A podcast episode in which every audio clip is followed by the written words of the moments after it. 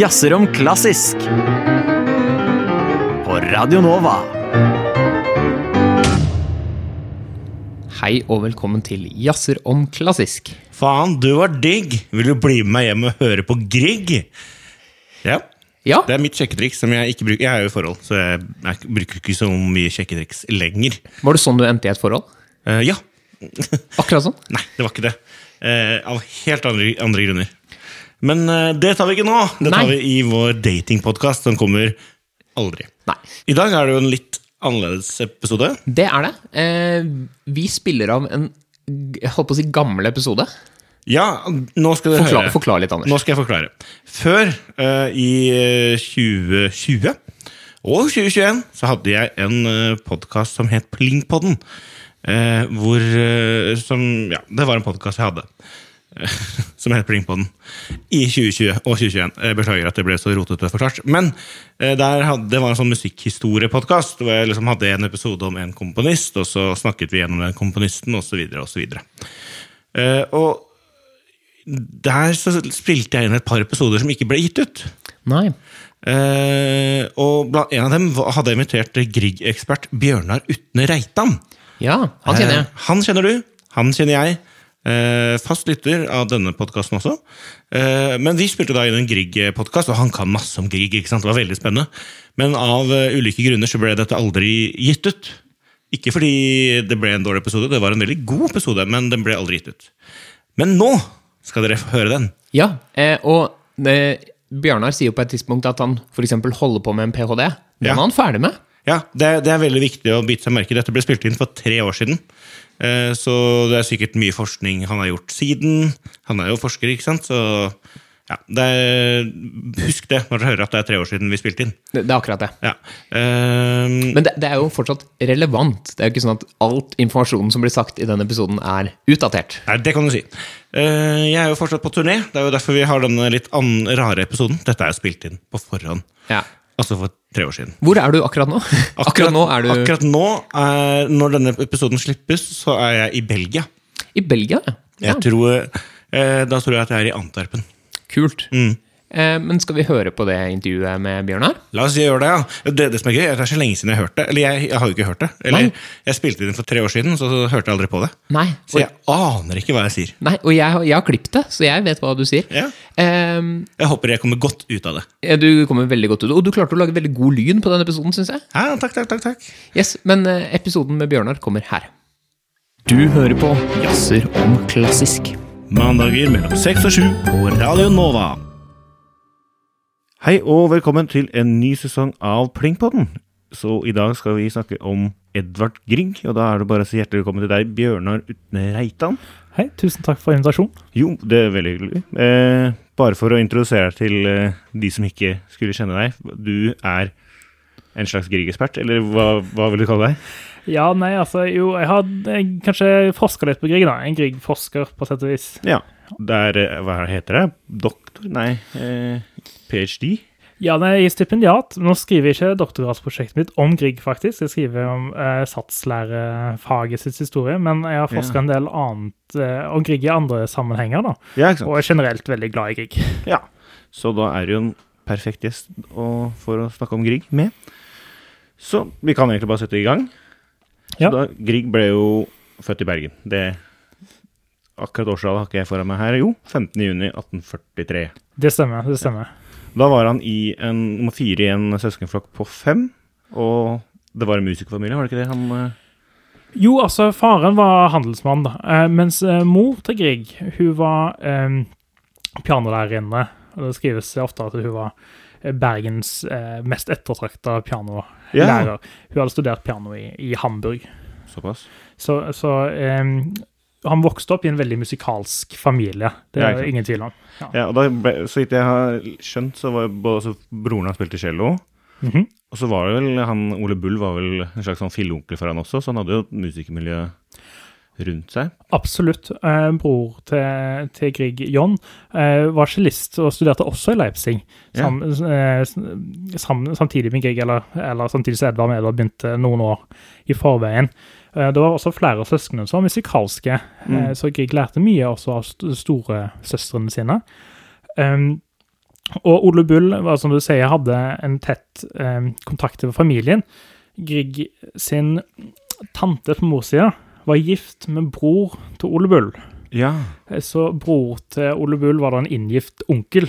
Så det, Ja, det er en faktisk eh, kobling mellom de to familiene. Eh, så jeg vil ikke si at Grieg var veldig eh, tett på Ole Bull i oppveksten, men familiene kjente hverandre og, ja, ikke sant. Ja. og sånt, ja. Og da er det også funnet at de vokste da opp i nærheten av Fisketorget og Tyskerbryggen, for de som skal være kjent i Bergen. I Strandgata, for å være helt, eh, helt eksakt. Strandgaten 152. Oi, såpass! og den er vel borte nå, ikke det? Jo, den mener jeg ble borte i krigen, den jeg har hørt. Og så bodde de også mye på Landås i oppveksten, Ja. På et landsted som de hadde. Og det huset står fortsatt. Ja, ikke sant. Hmm. Eh, og da Grieg var ikke en spesielt skoleflink elev, og brukte vel veldig mye, mye tid på musikken, så vidt jeg har skjønt. Ja, han påstår i hvert fall det sjøl.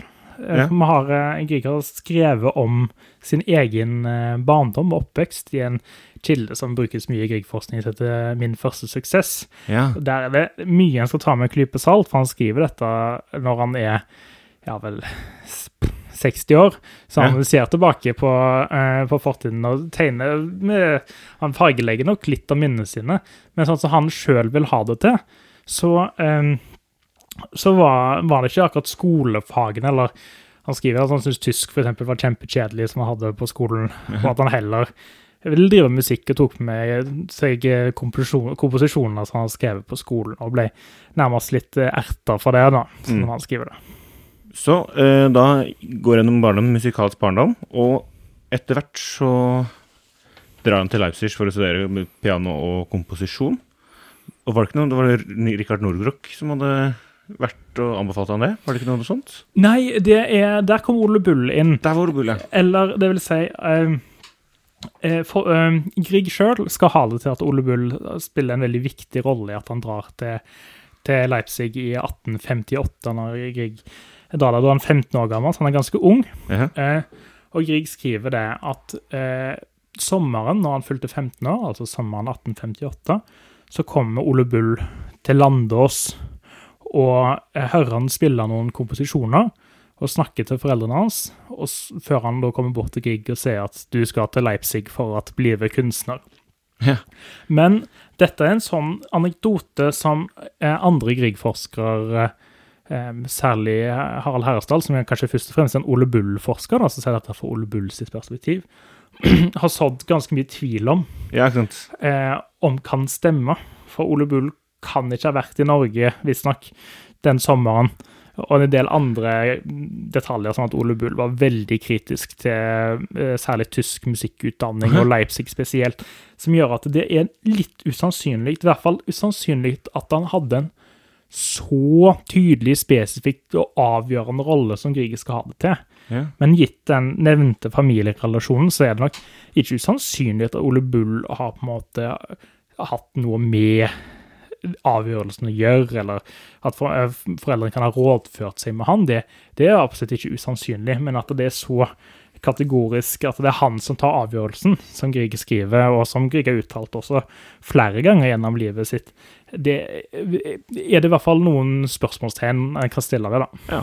Så Grieg har jo kanskje Det virker nesten som Grieg eh, drar på litt sjøl. Altså, det er han som har stått for denne misoppfattelsen om seg sjøl. Ja, absolutt. Og det er det som gjør dette kildematerialet, da, som særlig denne artikkelen 'Min første suksess', så utrolig spennende. Fordi Mm. en tar det jo Jeg tar nesten for gitt at han skriver sant, for det er jo en primærkilde. Det er han som snakker om sitt eget liv. Mm. Men samtidig så eh, er det nok en viss grad av måte at han konstruerer for ettertiden Mm. hvordan han ønsker at dette skal bli fortalt. Og da var jo Ole Bull Ole Bull var død for lengst. For det første, han døde i 1880, og, og, har, og var blitt et sånt nasjonalikon. Så på en måte det å løfte Ja, ham opp eh, var jo noe som en måte en kunne se for seg at han kunne ønske å gjøre. Og Jeg sier ikke at det, ikke, at det er helt usant, det Grieg skriver, men det er, det er flere ting i, det, i den kilden og andre ting han skriver andre plasser, som er vitt- bevitner om en slags form for Altså han konstruerer en slags kunstneridentitet. da. Ja, Som eh, Det er så gøy å tenke på. Han var også litt sånn eh, sånn image, imagebygging, nesten. Ja, rett og slett.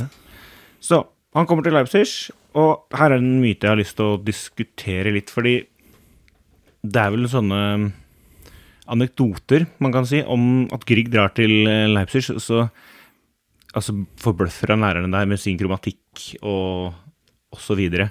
Men det har vel kanskje du også problematisert, eller Ja. Ja, ja, det er en av de uh, mytene jeg syns er mest spennende, som jeg uh, behandla i, uh, i masteroppgaven min og i, i en artikkel jeg skrev senere. Altså dette med at han uh, kom til Leipzig, og så skriver tidligere Grieg-forskere, eller kanskje de største Grieg-autoritetene da, innenfor forskningen, Benestad og Schjelderup Ebbe, om at han måtte over, altså, at han forbauser nærmest eh, lærerne sine med en, eh, med en veldig sånn overkromatisk natur, ikke sant? Um, og jeg, jeg stiller meg litt tvilende, da, for, å være helt ærlig. For jeg eh, har studert eh, Grieg sine satslæreøvelser, eller harmonilære- og kontrapunktøvelser, og det meste tyder på at han eh, opererer innenfor hva skal du si, det stilistiske idealet som lærerne setter opp. Men de tidligere Grieg-forskerne har nok tenkt at det var et mye mer arkaisk ideal enn Mm. jeg ser for meg. Ut fra lærebøkene og sånn som de brukte, ser det ut som at de har hatt et ganske, at- vært åpen for kromatisk og romantisk harmonikk, og på en måte lært bort det.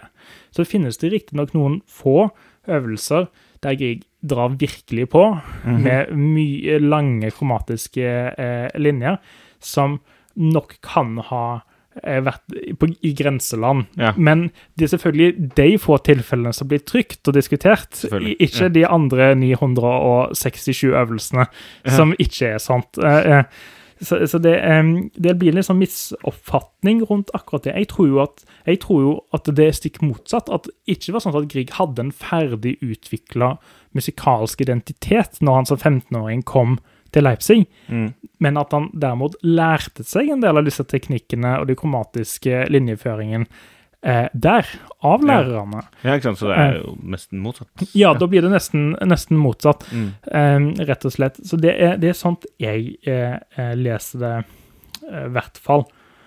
Ja, Og det er, vel, det er ganske mange altså, sånne anekdoter som blir brukt litt løst i forskjellige programblader og sånn. Det tenkte vi kan komme tilbake til. Men en, noe jeg mener jeg har lest at Grieg sier selv, er at han kanskje ikke var så veldig fornøyd med studiene i Leipzig, og sier vel at han lærer mer av å se på Gewandhaus sine øvelser, altså orkesteret nede i Leipzig.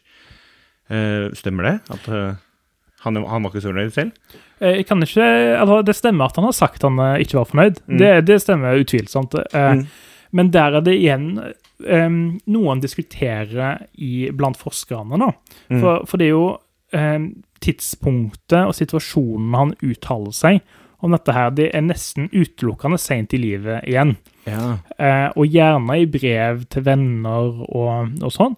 Og der eh, Dette var jo på en måte nasjonalromantikkens høytid i, i, i Norge, og det var flere som på en måte ønska å distansere seg fra det tyske. og Det var på en måte det ble på en måte vanlig, kanskje, å ønske å snakke ned utdanningen sin. Dette, gjelder jo ikke, dette gjelder jo heller ikke bare det at en ville være norsk, men husk at også i den romantiske musikkestetikken generelt i Europa, så sto genitanken veldig sterkt. Ja, ja. Og det at du hadde lært noe på en måte fra en lærer, det var på en måte ikke det var ikke det som var tøft. Nei, nei. Det å være den originale nyskaperen, det var det som betydde noe.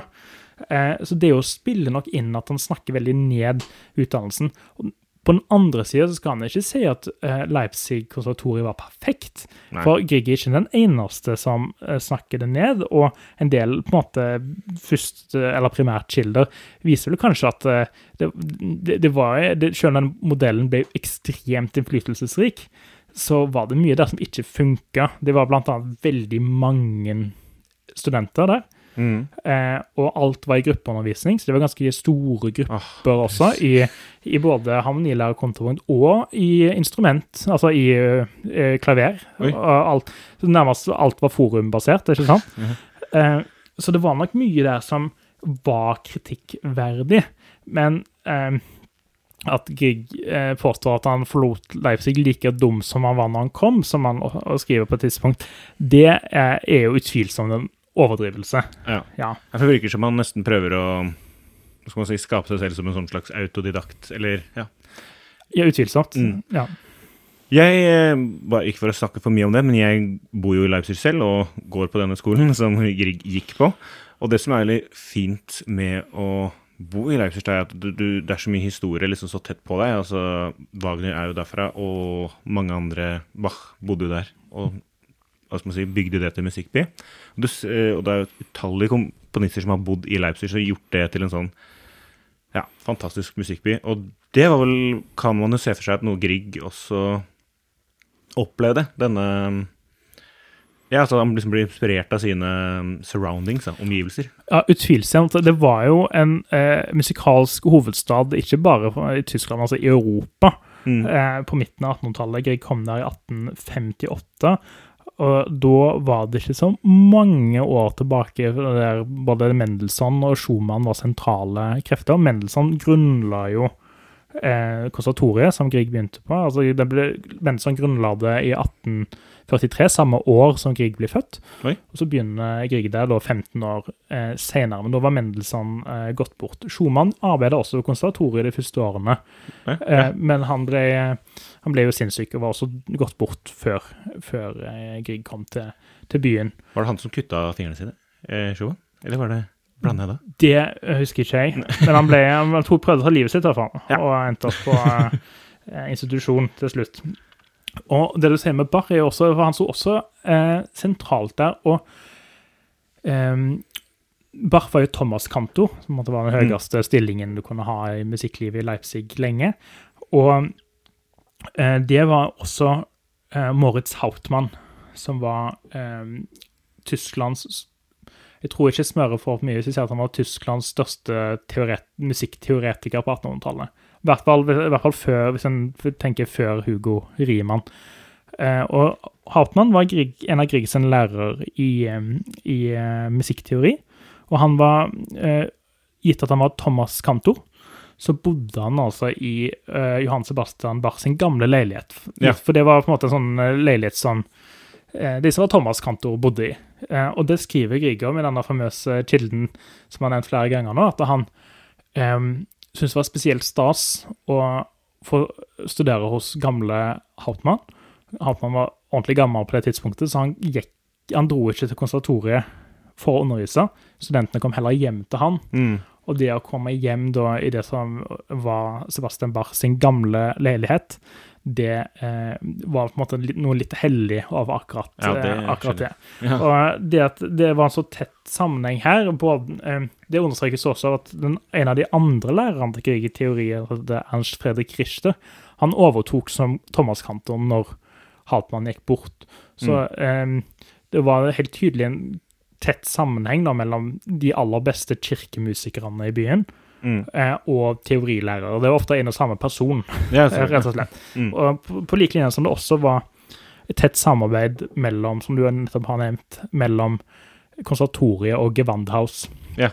Eh, så det, det er kanskje en av de store fordelene av konservatoriet. Nå snakket vi litt om ulempene i sted, men en av de store fordelene med den modellen var at den var så tett integrert med musikklivet i byen. ja, ikke sant. Både mot kirkemusikken, men også mot eh, Gewandhaus, der det både var eh, helst symfonikonserter, men tidvis eh, også mot opera. da. Ja, ikke sant.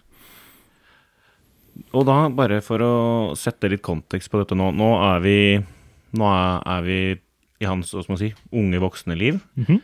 Og hvilke verker, er- hvilke kjente verker er han skriver nå? Eh, Er det pianokonserten? Er ikke det noe rundt her? Kommer ganske overraskende tidlig. Den kom overraskende tidlig, men ikke helt ennå. Eh, han er jo tross alt bare 15 år når han begynner i Leipzig i 1858, og så går han blir han uteksaminert i 1862. Ja. Og på den tiden så skriver han ingen verker som har blitt ordentlig kjente. Han skriver mye musikk. Eh, Mm. Han skriver for første ufattelig mange øvelser, altså nesten 1000 øvelser i, i um, harmonilære kontrapunkt. Det inkluderer store, komplekse, intrikate og gjennomarbeida gode fuger, blant annet, som har blitt utgitt i ettertid. Ja. Eh, og så skriver han sine to første opus, som blir utgitt. Eh, opus 1 og opus 2 skriver han i Leipzig. Som da Opus 1 er et sett med klaverstykker, opus 2 er et sett med sanger. Tyske lieder, da. Ja. Men Mm. det er liksom ikke noe eh, man, man kjenner som veldig godt, kanskje. Som, hvis man ikke er Grieg-forsker. Nei, Nei. Det, det kan jeg godt si at det, de, de store verkene som måtte, blir ordentlig kjent, de kommer i den neste perioden i livet hans. Eh, de aller første, i hvert fall. Eh, når han flytter til København. Ja, det kan vi egentlig bare hoppe rett til. For nå flytter han rett fra Leipzig til København, er det slik å forstå? Eller er han gjennom, gjennom ei lita tur? Han er gjennom, gjennom en liten tur Mm. eh, i Bergen, har en konsert der. Han har allerede debutert i Sverige tidligere, men han debuterer da i Norge, i Bergen. Får spilt en eh, strykekvartett, blant annet, som er tapt, dessverre. Aha, ja. Eh, Det er en av de tingene han skriver i Leipzig som vi dessverre ikke har. En strykekvartett som han skrev for komposisjonslæreren sin, Karl Reinecke. Mm. Eh, Den premieren i Bergen. Eh, Men så finner han ut eh, at han ønsker mer utdanning, eller han ønsker i hvert fall mer erfaring enn han kan få i i Bergen, i hvert fall sånn det fremstilles. Og så, så da ender han opp med å dra til København, da. For Ja. få litt støtte hjemmefra til å dra til København. Og det blir en enormt viktig periode. For, for han har på en måte lært det tekniske i stor grad i Leipzig, både komposisjonsteknisk, men også eh, som pianist, ikke sant? Blitt en ordentlig habil pianist. Mm. Men eh, så eh, igjen dette med geniestetikk og, og originalitetsbiten. Han vil finne seg sjøl, som klisjeen vil ha det til. Mm.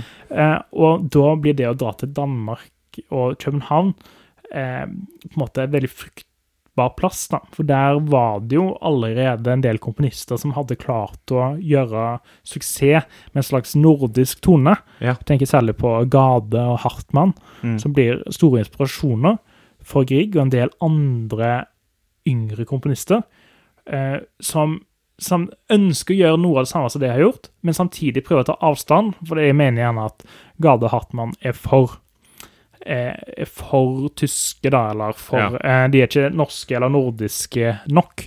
Så denne Han drar til København eh, i eh, 1863, og, og der, møter, der eh, henger han med en hel del unge nordiske komponister, blant annet Rikard Nordrock, eh, som Ja.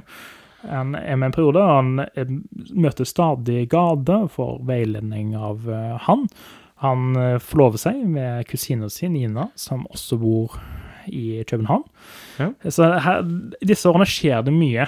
Og da kommer også noen av de tidligste verkene som på en måte er viden kjent til.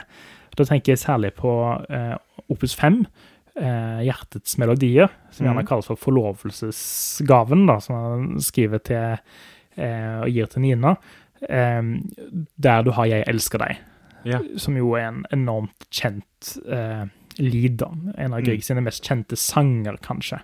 Ja. Mm.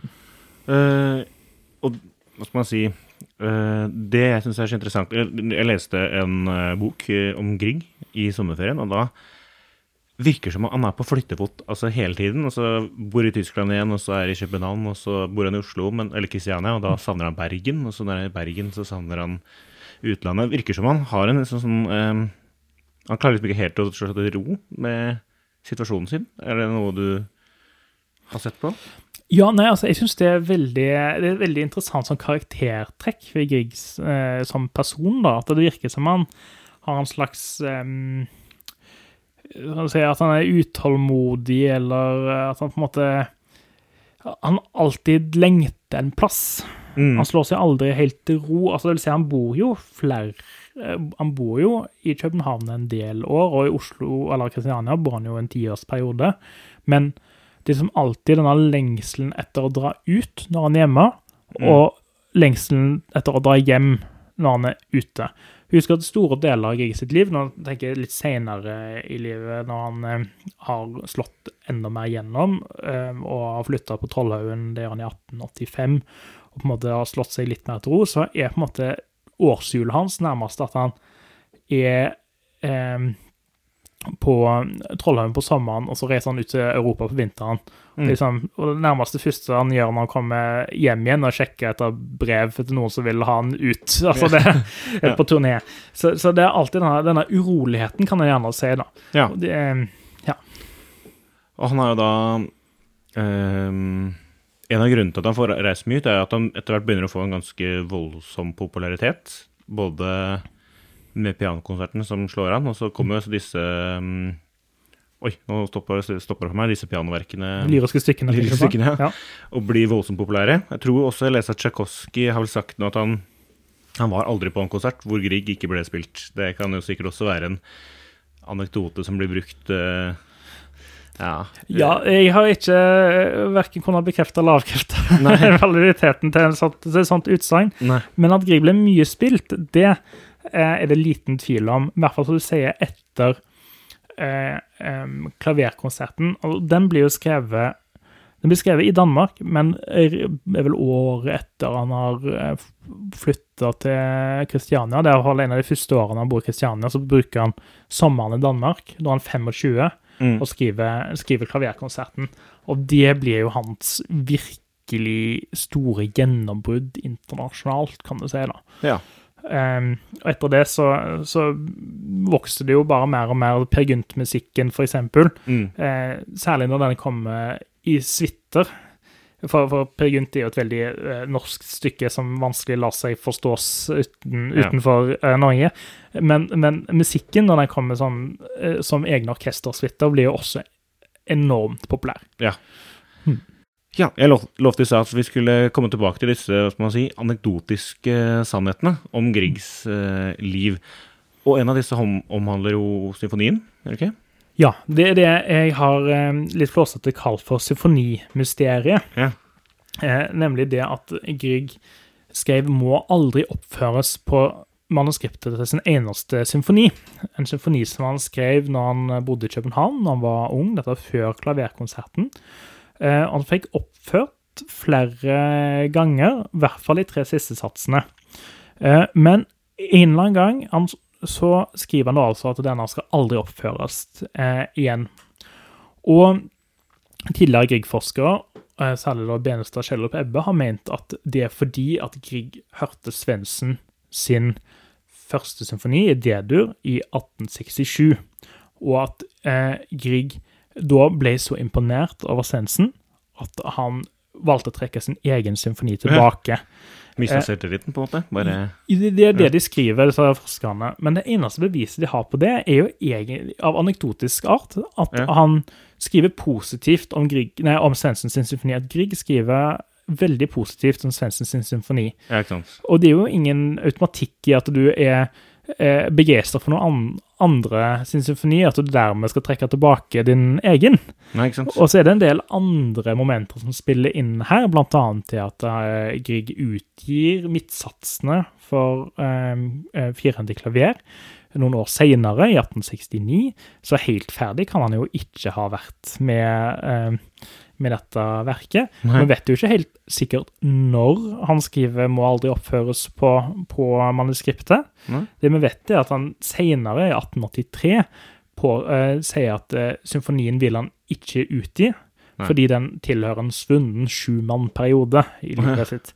Uh, og så har jeg, jeg har sett litt på førstesatsene da, i Griegs sin symfoni og Svensens sin symfoni, og prøvd å se på om det kan være noe der også i på en måte i måten de er konstruert på, og argumentert for at eh, det virker som at Grieg, i hvert fall i første satsen, behandler dette mer som en slags form for øvelse. For han skrev aldri noen symfoni når han var i Leipzig, og den er veldig sånn formelpreget etter boka.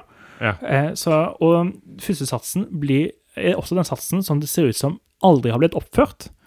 Så jeg har argumentert for at kanskje Grieg anså dette her som en, som en slags øvelse, særlig i form og formbehandling, de større formene, og at derfor vil han aldri framføre førstesatsen. Og da eh, må han ha tatt den avgjørelsen lenge før han hørte Svendsen sin første symfoni. Ja. Så det svekker på en måte Svendsen-forklaringen. Jeg sier ikke at Svendsen-forklaringen ikke har noen ting med symfonimysteriet å gjøre, men det, det er en litt for lettvint forklaring på, eh, på, en, eh, på en komplisert problem. Ja. Og, eh, det, men det har blitt en sånn vedtatt sannhet, denne anekdoten. Mm. Eh, så du ser den vel nesten overalt hvor det skrives om symfonien nå, så står det at det er Grieg trakk den tilbake fordi Svensen, han syntes Svensens symfoni var bedre. Ja, det er knapt et eh, programblad hvor ikke det står, og du ser det hvis du, hvis du er på YouTube, så står det i kommentarene der nede. Altså det fascinerer meg, eller kom til å tenke på nå, hvor mye makt noen forskere kan ha ved å etablere en sannhet, Absolutt. som nå er vanskelig nesten å kunne argumentere for, altså motargumentere, for den er liksom blitt så fast da, i, eh, i folks bevissthet at det er sannheten. Absolutt. Men eh, et stykke jeg nevnte så vidt i stad, var disse lyriske stykkene. Mhm. Det er jo også et av de mest kjente stykkene han har. De solgte, altså Notene på disse solgte vel som vet, sier man, varmt hvetebrød i Europa. Og kanskje En av genialitetene ved det verket er vel at eh, for alle de borgerlige på den tiden hadde vel et klaver hjemme. og Disse var ikke nødvendigvis lette å spille, men de var overkommelige å spille da for eh, menigmann som kunne spille et piano. Ja. Absolutt. eh, Og um, Grieg eh, inngår jo etter hvert en sånn eksklusiv avtale med Peters, forlaget, i Ja. Leipzig. Og de, um, det, skri- skri- det så også nesten i alle Grieg-bøker at de heiste flagget til topps hver gang det kom et nytt hefte med lyriske stykker. Grieg skriver jo ti hefter med lyriske stykker, Ja. men de um, utgjør nesten en Jeg vil ikke si at det er et syklisk verk at det slutter, men han hadde i hvert fall en slags helhetstanke. da, for hans første, Det første lyriske stykket, 'Arietta', Mm. det blir på en måte Det kommer igjen, temaet kommer igjen i det aller siste lyriske stykket, Ja. 'Efterklang', som er det siste nummer, altså lyriske stykket nummer 66, blir det da, Mm. i en slags sånn valseform. Ja. Så, så det finnes en slags form for slutta enhet da, iblant disse lyriske stykkene. Selv om det, det er jo ikke et, ett syklisk verk, så er det tenkt som en slags serie, som er ganske fascinerende. Og det var en enorm suksess, Ja. nettopp som du sier, fordi at eh, på 1800-tallet så skulle jo alle i borgerskapet og i øvre middelklasse ha klaver hjemme, og særlig kvinnene skulle jo kunne spille for det. Mm. Og eh, Grieg sine verker var, eller sine lyriske stykker var, som du sier, eh, overkommelige og eh, pedagogiske som sådan, men det, selv, altså, det er stor variasjon der. Ja. Eh, og, men det har jo på en måte, det, det har vært med å etablere hans som, en- som en kjent komponist, selvfølgelig, allemannseie, men det at eh, miniatyren har vært hans for, foretrukne format, det, eller det vil jeg kanskje ikke si. At, det, um, at han har skrevet så mye i små former, har Mm. også eh, vært eh, negativt for ettermælet hans, fordi musikkhistorien liker jo å trekke fram de som skriver i de store formene, altså symfonier og operaer og Ja. sonater og strykekvartetter og sånn. Eh, og Grieg har skrevet har jo skrevet i de formene. Nå trakk han riktignok symfonien tilbake, og han ble aldri ferdig med operaen han skulle skrive, men han har skrevet klaverkonsert, han har skrevet strykekvartett og begynt på en ny strykekvartett som er halvveis ferdig, og han har skrevet tre fiolinsonater, en cellosonater en pianosonate. Så det er ikke det at han ikke skrev i store former, men navnet hans har blitt veldig tett knytta til små klaverstykker, karakterstykker, sånn som de lyriske stykkene, og til lieder, sanger, som jo også er i samme format, holdt jeg på å si. Altså det er ment for å synge hjemme, eh, overkommelig osv. osv. Eh, så det, i noen sammenhenger, det tror jeg nok at vi har kommet oss litt forbi nå, men eh, en, i en del sammenhenger så har Grieg blitt omtalt som miniatyrist, Ja. og da med ganske sånn negativ betydning. At eh, det, det handla om at han på en måte ikke var en stor nok komponist til å kunne skrive de ordentlige formene, altså de store formene. Ja, Der har jeg hørt noen helt ville historier. En som prøvde å overbevise meg om at nei, han skrev miniatyrstykker fordi han var så liten sjøl. Ja, jeg jeg klarer ikke å skjønne den logikken. eh. jeg har jo bare én lunge, som han ja. kanskje han ikke hadde pust nok. Ja. Ja, han hadde jo lungeproblemer nesten hele livet, ikke det? Jo, han fikk. Eh, Det var, altså, det var grunnen til at han ble værende i Leipzig eh, lenger enn det som var vanlig. For det er egentlig treårig studium, men Grieg eh, ble jo ferdig et år for seint. Ja. Det er fordi at han i 1860 eh, flekk, eh, fikk eh, pleuritt. Ja. eh, og um, måtte til slutt altså, punktere den ene lunga eller fjerne den ene lunga. Så han levde jo da fra 1860, når han var 17 år, vel, 16-17 år, um, og ut livet med bare ei lunge. Ja, ikke sant. Men han var jo veldig glad i å gå i fjell og sånt, altså så han må jo ha hatt noe pust. Ja. Eh, og da, disse lyriske stykkene har vel det preget folk Altså det norske preget, er det ikke det de, man kan kalle det for? I, både i lyriske stykker, men også allerede fra pianokonserten. Nå prøver jeg å komme litt så mye mer inn på dette hva skal man si, nasjonalromantiske krig, da. Eh, Ja, og det er jo på en måte noe av em, det som kommer raskest eh, til minne, da, hvis du tenker eller beskriver Grieg, så er det ofte det som kommer raskest fram, altså det nasjonale. Ja. Og en del av de, av de lyriske stykkene har jo tydelig nasjonalt eh, preg. Klaverkonserten utvilsomt, eh, særlig eh, tredjesatsen, har et veldig sånn folkemusikkinspirert preg. Eh, så, og at Grieg at det nasjonale, eller det folkemusikkinspirerte, er en enormt viktig del av Griegs musikalske identitet, det er utvilsomt. Den eh, dukker opp, eller det begynner på en måte i København-perioden. mm. Noen vil eh, trekke veldig, eh, mener veldig sterkt at det er fordi han møtte Nordrock.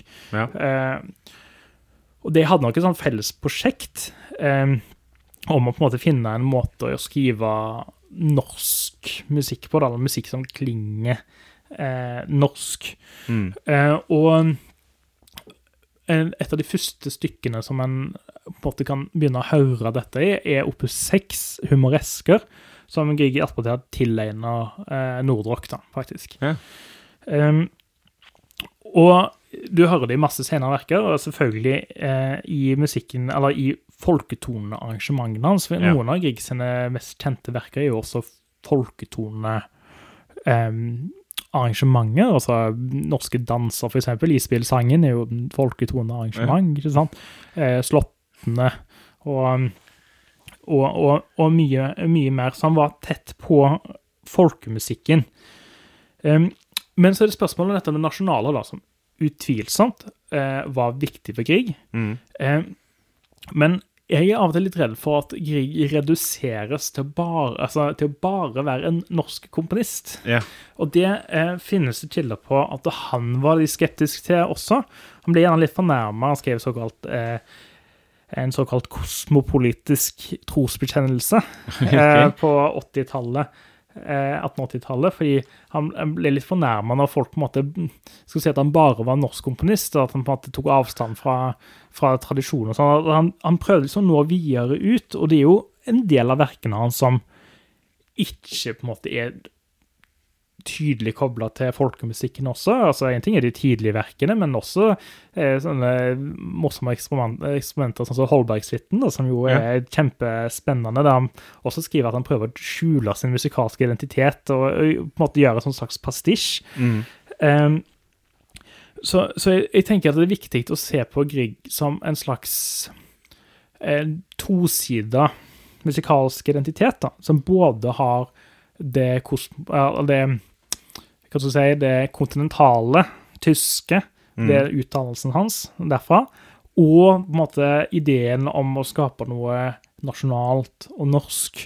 For jeg tror det at eh, resepsjonen, altså måten han har blitt mottatt, både i samtiden, som var det han reagerte på i denne trosbekjennelsen, og ikke minst i ettertiden av de som har ønska å skrive en norsk musikkhistorie, Mm. og etablere norsk musikkvitenskap osv., har kanskje fokusert litt vel mye på at han er så pur norsk, ikke sant? Ja. Eh, og hvor går grensa mellom det norske og det tyske? Ikke minst hvor går grensa mellom det norske og det griegske, altså hans personlige identitet, Ja. er jo ikke det samme som folkemusikken, da. Altså det, det, er, det er noen vanskelige sam, det, er en vanskelig og sam, komplisert sammensatt enhet, rett og slett, som utgjør Griegs musikalske identitet.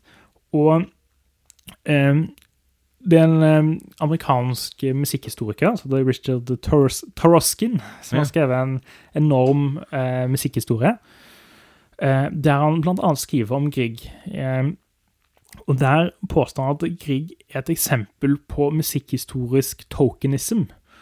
Okay. Uh, tokenism er på en måte det er, det er når du tar uh, ett eksempel fra en minoritet og tar den med på en måte i, i eh, og representerer den, og for at du skal kunne fortsette å undertrykke resten av minoriteten.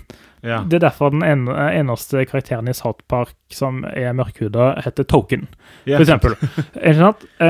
Og han påstår da at Grieg er en slags form for det, at den har tatt han med i den vestlige kanonen som representant for Skandinavia. Ja.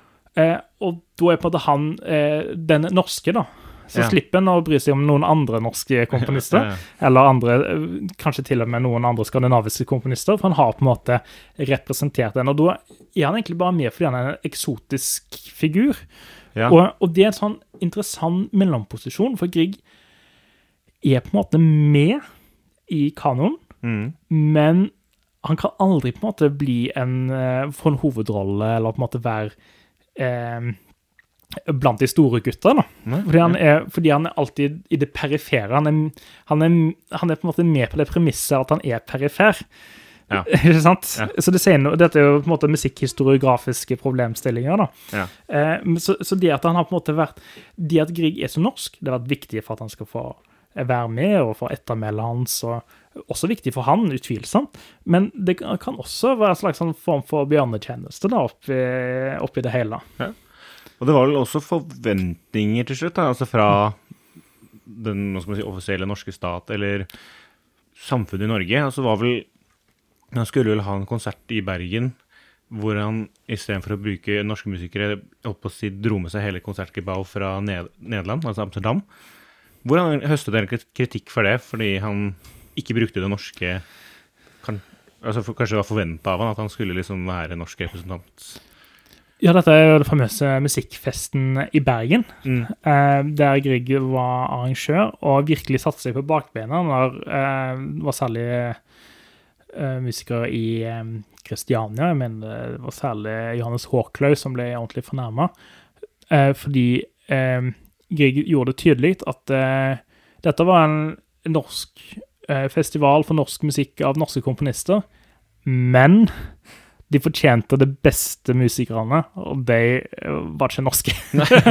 da måtte han til utlandet, for han hadde vært på turné og opplevd de beste, og dirigert de beste orkestrene i verden. Mm. Og han sa at hvis vi skal gjøre dette her, så skal vi ha toppmusikere. Vi skal ha konsertgebbar-orkester fra Amsterdam. Ja. Og musikerne i Kristiania eh, var ikke fornøyd.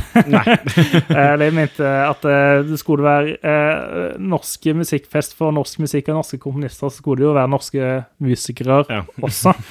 Men eh, Grieg fikk viljen sin, da. Han sa på en måte det at eh, enten så gjør vi på denne måten, eller så eh, gjør vi det ikke. Ja. Og det er på en måte han, han, han, var, han var jo på en måte både opptatt av det nasjonale, men han ville jo på en måte ha en internasjonal standard. Han ville på en måte være i kontakt med eh, musikklivet i Europa. Det var viktig.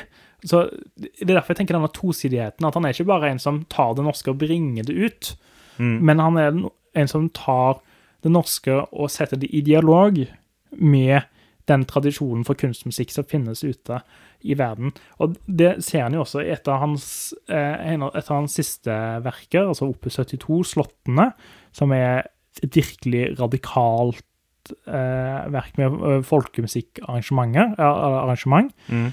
Um, der skriver han i forordet at um, hans mål er å løfte folke, disse folketonene opp til et kunstnerisk nivå, eller til kunstneriske høyder. Yeah. Det er jo på en måte noe vi kanskje ville se litt med eh, ja, men Det er kanskje en holdning vi ikke ville hatt i dag. For vi ville kanskje sagt at folkemusikken er jo kunst i seg sjøl. Ja. Men for Hans var på en måte litt av prosjektet å mediere da, på et eller annet vis.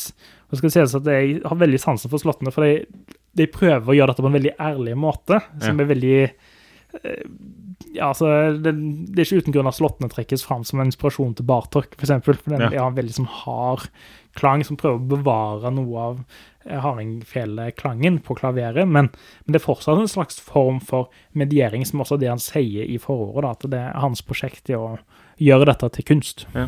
Og det er sånn interessant kunstnerisk eh, og kompositorisk eh, tanke rundt det, fordi der eh, Folkemusikken er jo Ja, den, det, er, det er jo kunst, men på den tiden så var altså det var jo å spille opp til dans på lokale Det var fest. men så plutselig tar du den musikken og setter det på en scene for borgerskapet med klaver. Så det er en sånn det er en interessant sånn kunstnerisk idé rundt eh, i hvert fall det der, eh, de stykkene som er arrangementer av eh, folkemusikk. Ja, det er en kjempeinteressant idé, og denne dualiteten Her kommer igjen dette med at altså, en skal gjøre Grieg så veldig norsk, og Grieg var kjempenorsk igjen, men han um, Da tenker en gjerne på folkemusikken, ikke sant? Og Grieg var jo ikke vokst opp altså, på gård eller sånn, han var jo vokst opp i Bergen. Ja. eh, og i et ganske velstående hjem, eh, så der det på en måte var Mozart de spilte hjemme. Ja. Så på en måte hans, skal du si, hans musikkultur eh, var jo ikke nødvendigvis folkemusikken. Det er jo noe han har blitt kjent med eh, altså i oppveksten, selvfølgelig, men, men også kanskje særlig senere. Han påstår jo også at Ole Bull er viktig her og, og for å introdusere han til folkemusikken. Ja.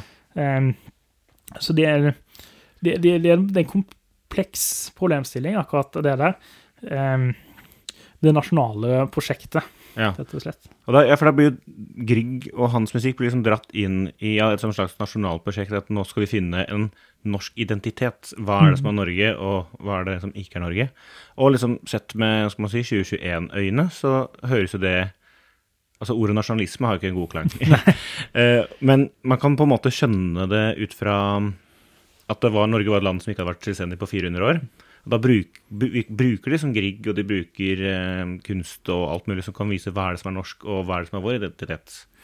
Absolutt. Så det er jo ikke bare, altså det, Han blir liksom dratt med av krefter som vil hele tida påvirke han til å være det norske. da. Ja, absolutt. Her, eh, her er det krefter altså Han er selvfølgelig delaktig. Du skal ikke ta fra ham enhver form for uh, agense, men han, han er de, de er sterke eh, For ikke å si nasjonalistiske, i hvert fall nasjonalromantiske krefter i Norge for denne, denne tida, og eh, også i de som skriver historien om han etterpå og i samtiden. Altså det, det, er, det er helt klart at det er på en måte hans posisjon i historien å være en slags eh, formidler av eh, det norske Mm. eh, i, i musikken, da, riktignok. Og eh, det var jo flere altså han, Jeg syns jo noe av det fineste musikken Grieg skriver til tekst, er jo, er jo sanger eh, til nynorsktekst, altså av Garborg og, og Vinje, ikke sant, som Ja. også bringer inn på en måte det, den kampen der med, med det språklige. Grieg var jo veldig eh, glad i nynorsk, Ja. men skrev jo sjøl Han var jo vokst opp igjen da i borgerskap, eller i hvert fall øvre middelklasse, og, og skrev jo dansk, ikke sant, Ja. hele livet. Eh, og han var litt skeptisk til den veldig aggressive, radikale politikken til målrørsler sånn, som ville på en måte tvinge folk til å skrive landsmål. Det, det, det, det var han ikke helt. Han, var, han likte språket, men at det måtte utvikle seg naturlig. Han kunne ikke tvinge folk til å skrive det. det. Det var han veldig tydelig på. Så på en måte dette øh, Nasjonale har flere sider. Han samarbeider jo også med noen av altså En ting er Garborg og, og Vinje, men han samarbeider jo også med Ibsen og, og Bjørnson. Ja. Men på veldig forskjellige prosjekt. Mm. For Der har du jo en anekdote som er ganske interessant. For, for Grieg og Bjørnson hadde sammen, samarbeida lenge, særlig på tidlig 1870-tall. Bjørnson er den dikteren Grieg har sagt, satt mest musikk til, av, av tekst. Ja. Eh, og de skulle gjøre altså De snakker om toppen av nasjonalromantikk. De skulle gjøre det mest nasjonalromantiske og nasjonalromantiske som går an å tenke seg, tror jeg. Som ble gjort i mange andre land på denne tiden, nemlig skrive en nasjonalopera. Ja. Um, uh, Olav Tryggvason skulle det bli. Men det blir aldri fullført. Uh, Eh, Bjørnson uh, slutter å levere tekst, og Grieg blir opprørt, og så blir det krangel, og de blir uvenner over lang tid. Eh, Jeg lurer på om det er 13 år de ikke snakker sammen, eller enda- lenger. Eh, fordi eh, Bjørnson blir fornærma fordi Grieg velger å samarbeide eh, med Ibsen istedenfor. Oh, ja. Eh, for Ibsen kommer med et, eh, med, med et tilbud Grieg nærmest ikke har eh, råd til å si nei til, nemlig å sette musikk til Per Gynt. Ja. Og det var et ganske sjenerøst eh, tilbud, eh, sånn rent økonomisk.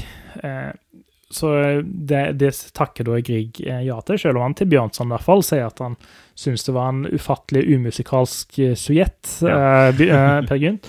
Det er klart det at, For det her kommer jo det morsomme, tenker jeg, litt med det Grieg og det nasjonalromantiske. For de som tenker på Grieg og nasjonalromantikk, så tenker en i hvert fall i populærkulturen ofte på Per Gynt-musikken. Ja. Per Gynt-musikken er jo på en måte det er den mest kjente Grieg-musikken, sånn, i hvert fall sånn Ja, ja. utenfor Norge, og i Norge også, for så vidt. Eh, Dovregubbens hall og morgenstemning og også stød og dette her. Og de er jo skrevet et teaterstykke som er ekstremt kritisk til det å være norsk. Ja. Eh, altså, Per Gynt er jo en satire over på en måte nordmenns ubrukelighet, nærmest. Eh, Det er veldig gøy. Eh, og, og Grieg er Mitt inntrykk er jo at Grieg også prøver å gjøre dette med ironi. Altså, han skriver At han skrevet eh, skrevet noe til Dovregummens hals som han syns høres ut som kumøkker, som på en måte er, er oser av norsk norskhet og seg sjøl-nokhet. At han håper at ironien på en måte kommer fram. At det, en måte, de er litt av poenget. Så spørsmålet er om resepsjonen senere har tatt det poenget med seg, da, eller om det på en måte har blitt Ja, typisk norsk. Ja. det virker jo ikke helt sånn, ut fra det jeg har oppfattet. Nei, men det gir på en måte den interessante dualiteten, da. Eh, her, fordi at En ting er på en måte hva intensjonen er, jeg ønsker ikke spekulere for mye i hva intensjonen til kunstnere er, og så videre, men, men eh, akkurat når det gjelder Per Gynt, så er det skrevet et teaterstykke i hvert fall, som er veldig ironisk, som som av oss satirisk, ikke sant? Eh, og den biten blir jo ikke nødvendigvis tatt med når teaterstykket forsvinner, det er bare musikken som står igjen. Nei, ikke For, for dette er musikk som ble enormt populær som orkestersuiter, ikke sant? Ja. Rundt omkring i Europa. Eh, Så dette med å identifisere det nasjonale i Grieg sin musikk, det er vanskelig. Ja. For det er ikke bare å peke på altså En ting er på når han arrangerer en folke, folkesang, men hva som gjør Grieg sin musikk norsk, det er ikke enkelt å peke på, altså. Eh, og, og hvis en på en måte prøver å gå analytisk til verk også, så blir det fort sånn Å ja, han bruker lydisk kvartær eller og sånn. Men det skjer jo nesten alle folkemusikktyper, eller i hvert fall mange andre eh, folkemusikere, den norske også. Som, så akkurat det å pinpointe det nasjonale eh, i musikken, og ikke bare i resepsjonen. Ja. Man kan jo se at Griegs musikk er norsk fordi den er skrevet av Grieg. Ja.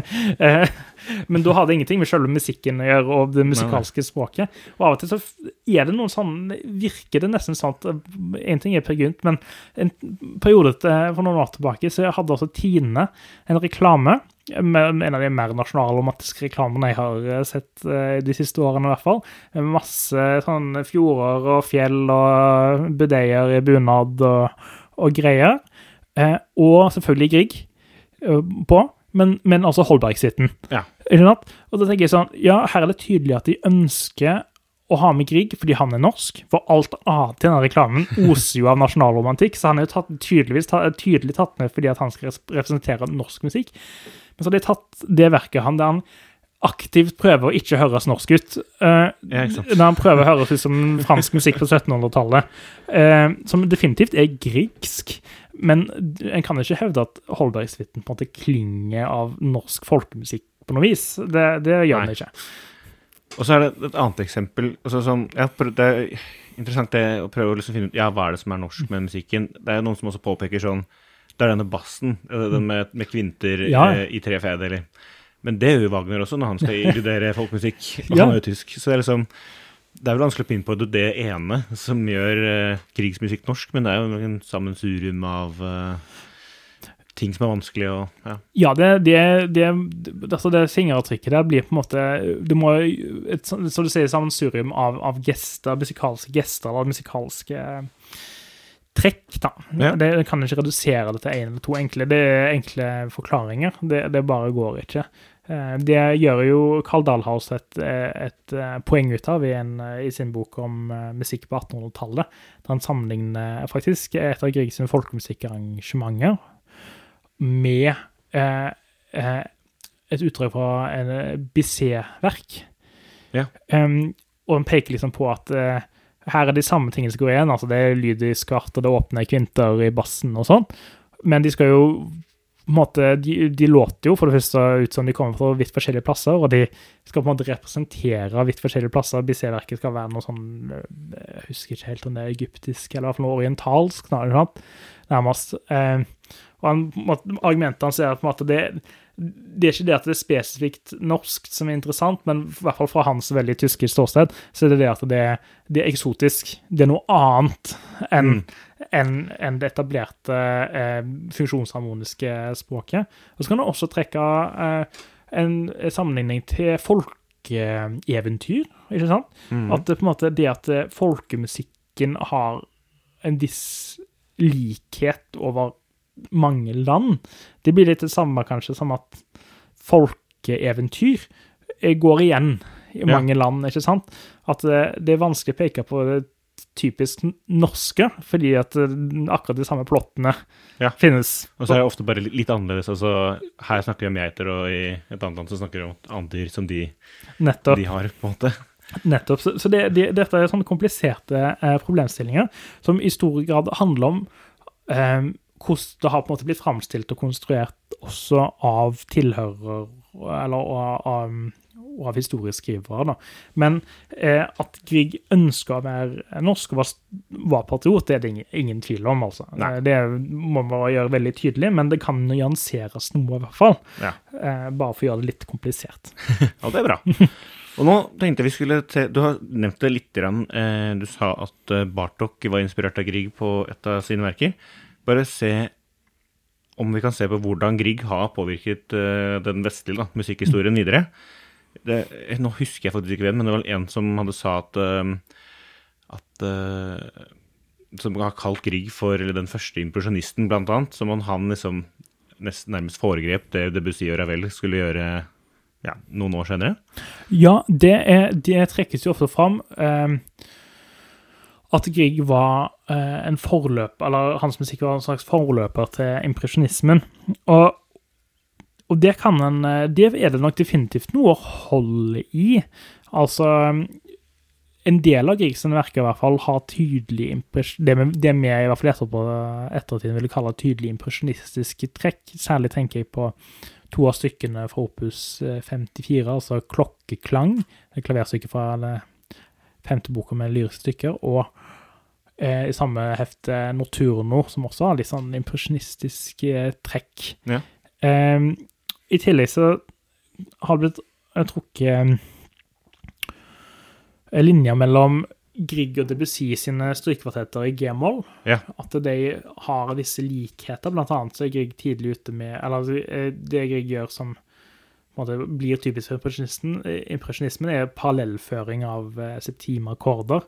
Ja. Kromatisk parallellføring, eh, for eksempel.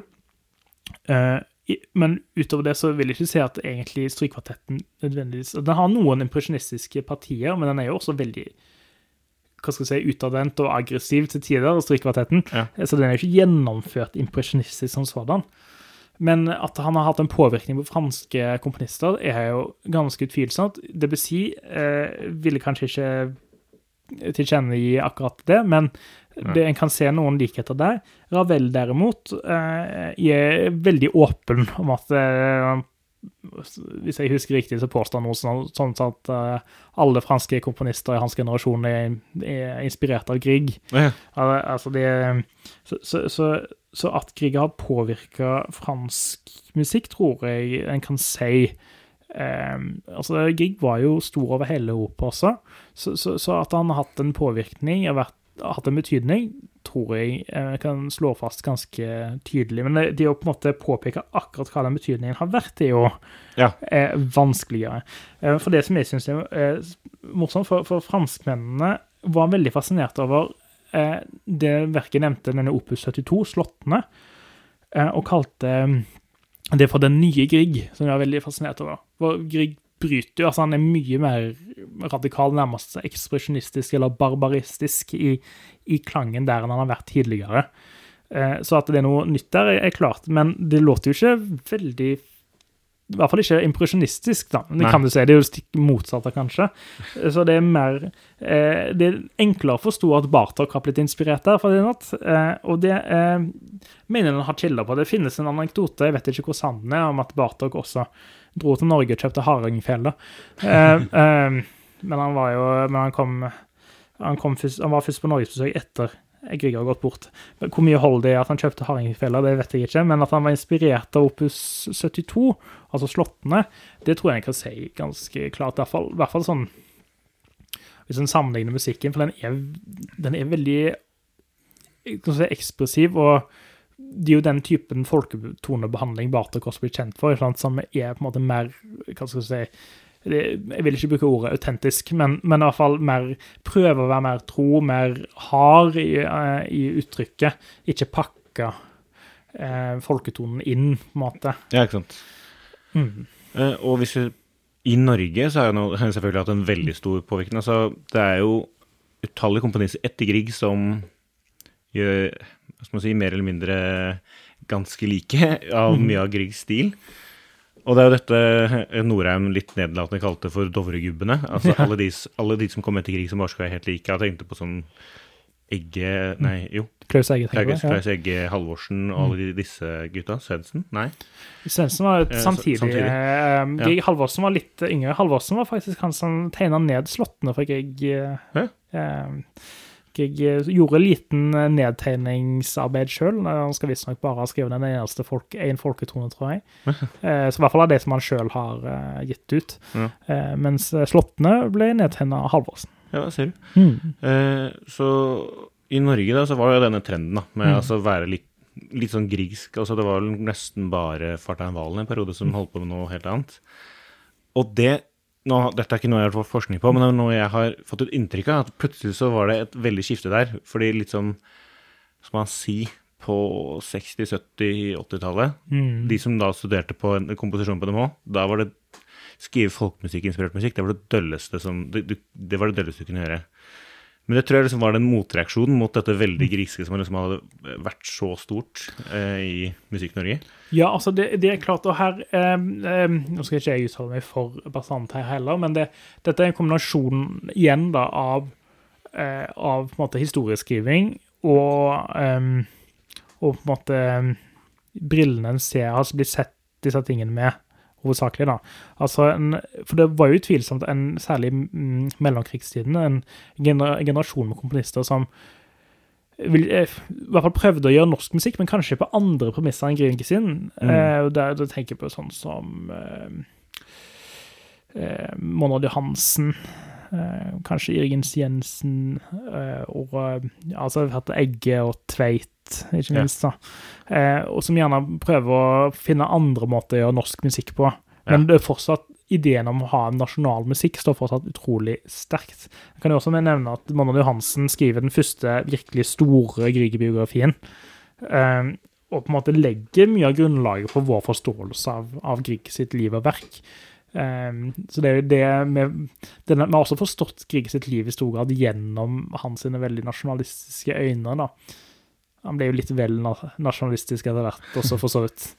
Ja, Det ble vel Geir Tveit òg? Ja, jo, eh, men eh, nå tenkte jeg vel at Ronny Hansen ble vel nazist. Ja, ble det? Ja. Ja, ja det er ikke sikkert. Men, eh, men nå er det faktisk trender igjen da, for å ta tempen på samtidsmusikkmiljøet. Nå har det blitt mer vanlig enn å ville Altså, nå er det greit igjen å trekke okay. inn folkemusikk. Eh, eksempel eh, eh, Lars Petter Hagen, tidligere Ultima-leder, trekker masse, men de gjør det da igjen på prøver å finne nye måter igjen. da. Kanskje mer fokus på dette med disse mikrotonalitet og litt forskjellig. For det er klart, det, det var en utfordring for den generasjonen til Grieg, da, at eh, en hadde jo en forståelse av på en måte at en som ehm, De som på en måte kunne musikk og hadde musikkutdanning, visste bedre. ikke sant? At en eh, gjerne tenkte at en skulle Hvis en nedtegna folkemusikk, så retta en gjerne på toner og sånt, for at det skulle bli rent og fint. Ja. ikke sant? At en tenkte at de som sang, sang surt, eller, Mm. eller sånn.